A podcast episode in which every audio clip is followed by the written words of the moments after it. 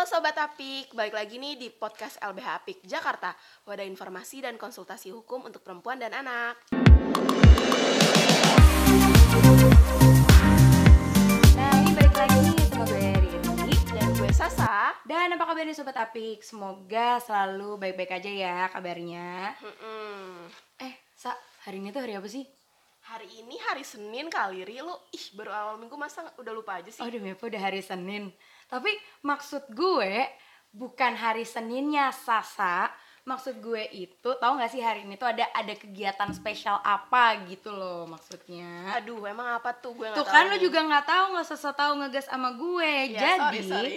hari ini tuh hari yang spesial karena hari ini adalah awal dari kampanye Hari Anti Kekerasan Terhadap Perempuan. Wah, ya bener banget ya. Jadi kampanye Gitu. Hari Anti Kekerasan Terhadap Perempuan atau yang sering disebut sebagai 16 HKTP ini akan berlangsung selama 16 hari nih, Sobat Apik. Berarti ntar kalau 16 hari itu kelarnya di tanggal 10 ya kan? bener banget. Nah, karena ini adalah hari yang spesial, hari pertama dari Hari Anti Kekerasan Terhadap Perempuan, kita juga ada narasumber spesial nih. Topiknya juga nggak kalah spesial. Yeay, asik banget. Penasaran nggak? Lu bisa lebih antusias lagi dikit nggak, Sa? Kayak, Yeay, Terima asik kasih. banget. Jadi kita kedatangan Kak Zuma nih yang merupakan direktur dari LBH Jakarta dan bakal ngobrol-ngobrol bareng kita seputar 16 KTP. Silakan Kak Zuma. Hai Sobat Apik, salam kenal dari aku Zuma dari LB Apik Jakarta. Selamat hari eh, penghapusan kekerasan terhadap perempuan di seluruh dunia bagi perempuan-perempuan di dunia. Oke, apa kabar nih Kak Zuma sebelumnya?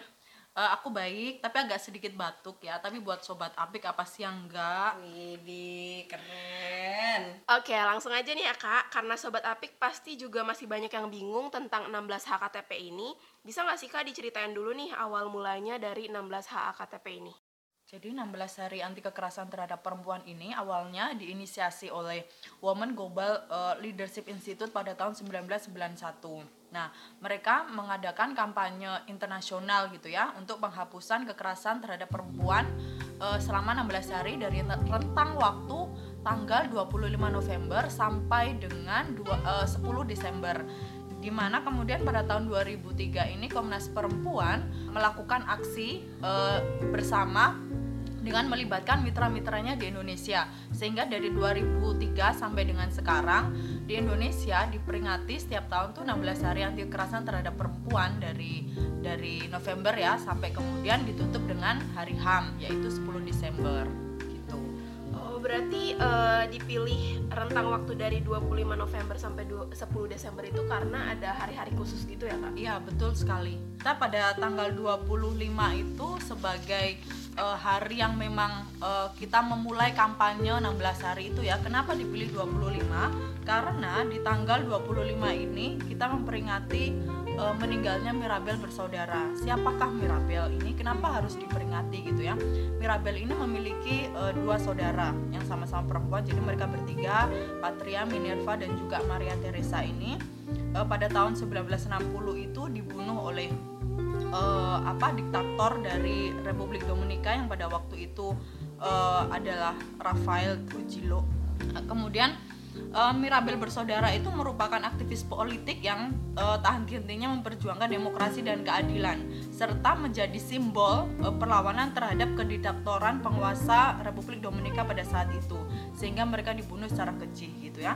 Nah, tanggal ini, tanggal 25 ini kemudian diklik- deklarasikan sebagai dan juga pertama kalinya sebagai Hari Internasional untuk Penghapusan Kekerasan Terhadap Perempuan pada tahun 1981.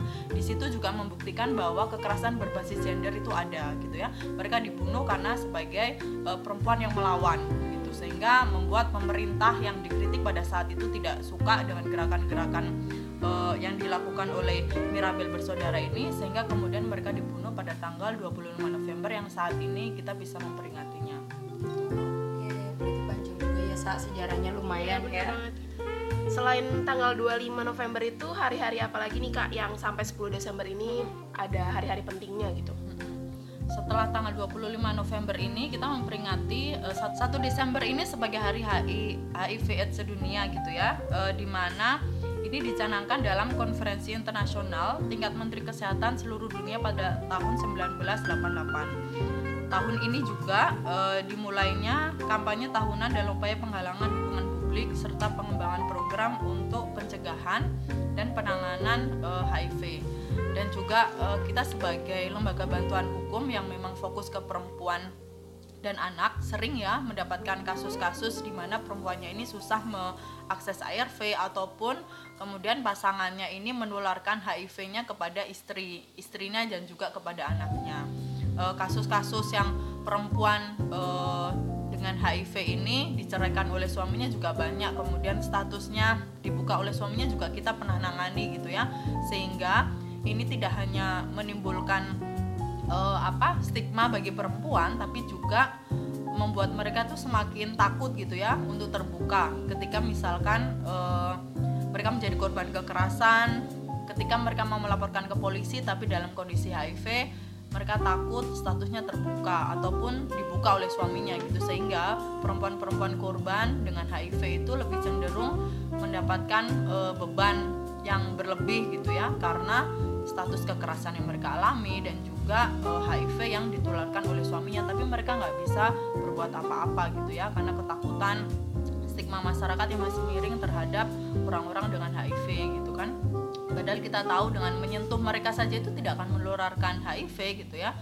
Dengan kita mendengarkan cerita itu akan menguatkan uh, kepada mereka gitu perempuan-perempuan uh, yang menjadi korban HIV di hari atau pada tanggal 1 uh, Desember besok beranilah untuk bersuara bahwa dengan menjadi korban HIV kalian bisa melanjutkan hidup akses obat yang diberikan oleh negara segara secara gratis bisa kalian dapatkan gitu. Kalau kalian kesulitan bisa nanti e, minta bantu ke teman-teman pendamping dari ODA ataupun datang ke LBH Jakarta seperti itu. Oke nanti lanjut aja nih kak.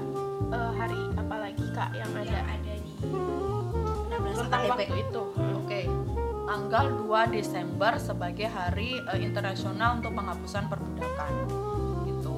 Jadi ini uh, orang-orang yang rentan diperbudak itu adalah perempuan dan anak pastinya ya. Karena kami memang uh, banyak juga mendampingi kasus-kasus uh, perempuan dan anak yang menjadi korban perbudakan gitu. Ataupun di zaman modern saat ini gitu ya perempuan dan anak itu menjadi target trafficking yang sangat luar biasa gitu ya dengan uh, dalih misalkan untuk membayar utang orang tuanya ataupun misalkan kayak kita lihat kemarin pengantin pesanan itu juga bagian dari perbudakan di zaman modern saat ini gitu. Jadi tanggal 2 Desember itu diperingati sebagai Hari Internasional untuk Penghapusan Perbudakan.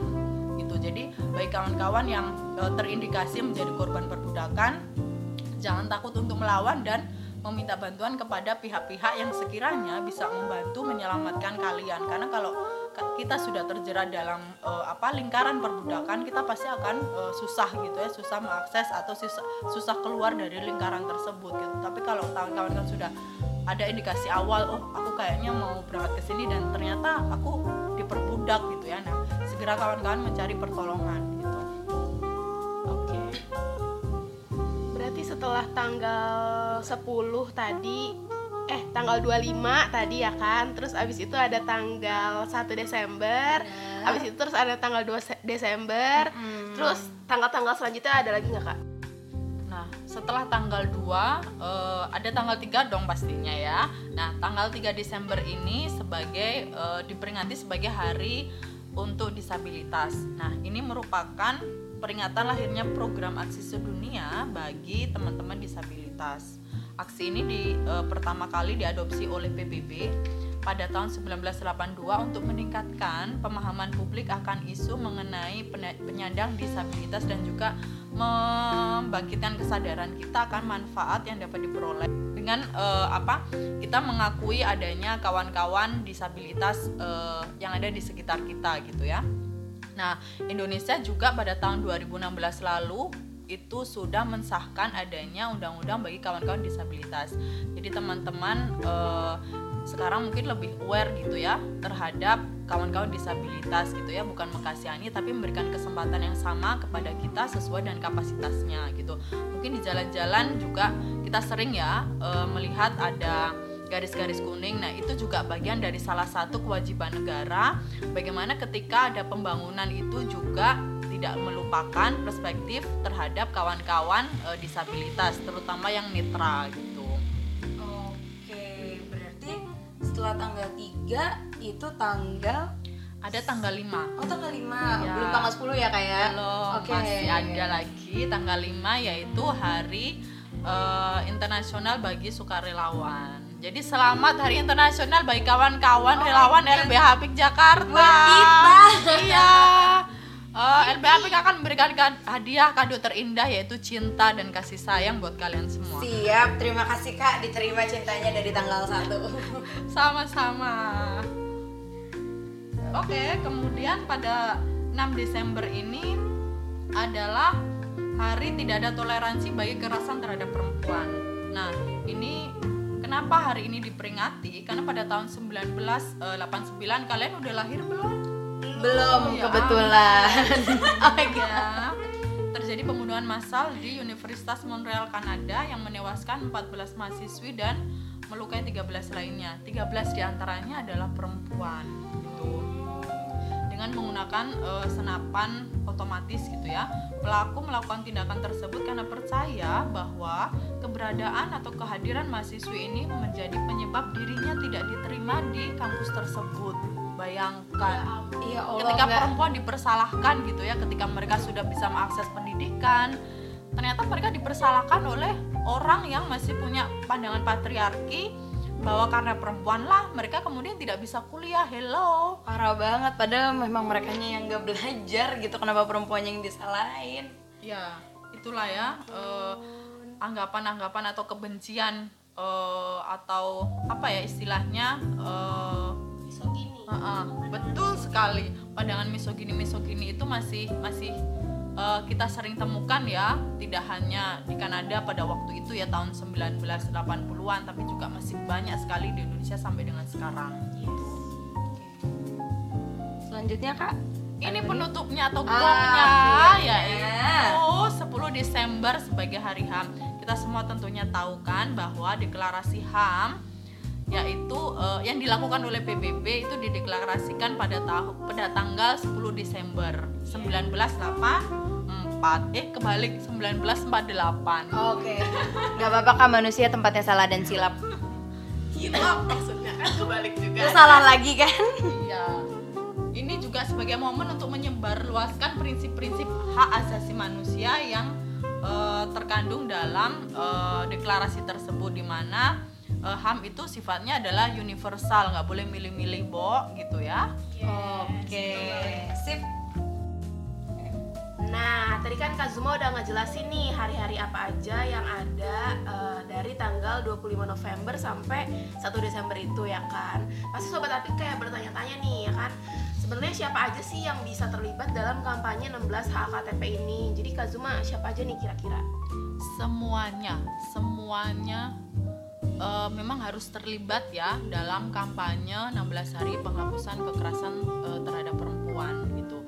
Bagi kalian siapa pun sobat apik gitu ya yang mengecam, yang menentang eh, kekerasan terhadap perempuan, ayo kita bersama-sama melakukan kampanye penghapusan kekerasan terhadap perempuan di lingkungan terkecil kita, terdekat dalam hidup kita gitu ya atau sekarang mungkin yang lagi pegang gadget gitu ya. Sebarkan informasi-informasi yang eh, apa di situ memuat eh, penghapusan kekerasan terhadap perempuan yang melakukan eh, ten- apa yang menentang kekerasan terhadap perempuan gitu karena eh, kalau kita melakukan kekerasan terhadap perempuan itu adalah sebuah tindak pidana dan itu merendahkan eh, kemanusiaan gitu. Oke, jadi kenapa sih penting nih Kak buat sobat Apik khususnya juga untuk terlibat berpartisipasi dalam 16 hak KTP ini?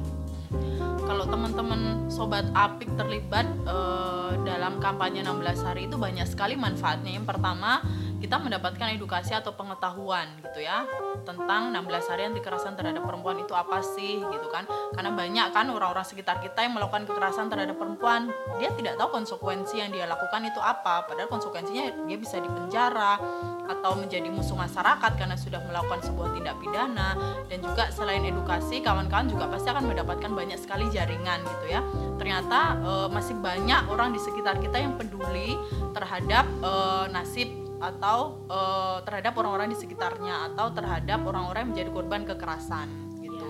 Jadi eh, itu penting sekali buat kawan-kawan atau sobat apik untuk terlibat eh, dalam kampanye 16 hari anti kekerasan terhadap perempuan. Dan berpartisipasilah kawan-kawan semua ya. Gitu. Sa makanya berpartisipasi. Biar keren. jelas jelas. Oke. Lu kenapa gue hater Sasa? Anyways, kan tiap tahunnya LBH Apik itu pasti merayakan 16 AKTP dong, Kak. Nah, setahun-tahun sebelumnya itu apa aja sih yang udah pernah dilakukan sama LBH Apik untuk memperingati kampanye 16 AKTP ini? kita menyadari bahwa eh, penghapusan kekerasan terhadap perempuan itu nggak bisa kita lakukan sendiri ya.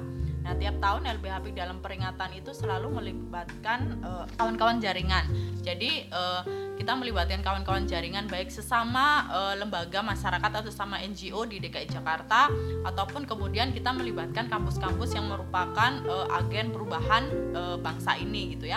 Dengan kita melibatkan semakin banyak orang eh, aware tentang penghapusan kekerasan terhadap perempuan itu juga akan meringankan kerja-kerja kami gitu kan karena setiap tahun tuh hampir eh, di atas eh, 700 kasus yang kita tangani gitu kan. Kalau semakin banyak orang sadar orang tahu eh, dan terlibat dalam kampanye 16 hari kekerasan terhadap perempuan maka akan semakin sedikit kan orang yang melakukan kekerasan tersebut gitu. Dan yang dilakukan oleh LBH PIK selain melibatkan jaringan ke kampus-kampus kami juga melibatkan penyintas. Karena setiap orang datang ke sini kami melihatnya sebagai agen perubahan juga. Perempuan-perempuan yang menjadi korban kekerasan itu merasakan langsung bagaimana dampak yang mereka alami. Sehingga kita eh, sering mengajak mereka untuk mengkampanyekan kembali gitu ya kekerasan eh, terhadap perempuan itu tidak boleh dilakukan gitu karena kalau penyintas yang sudah bersuara atau sudah menyampaikan pesan-pesan itu tersebut gitu akan semakin banyak orang yang berempati gitu kan dan semakin orang yang terbuka matanya oh kekerasan terhadap perempuan itu ternyata masih ada gitu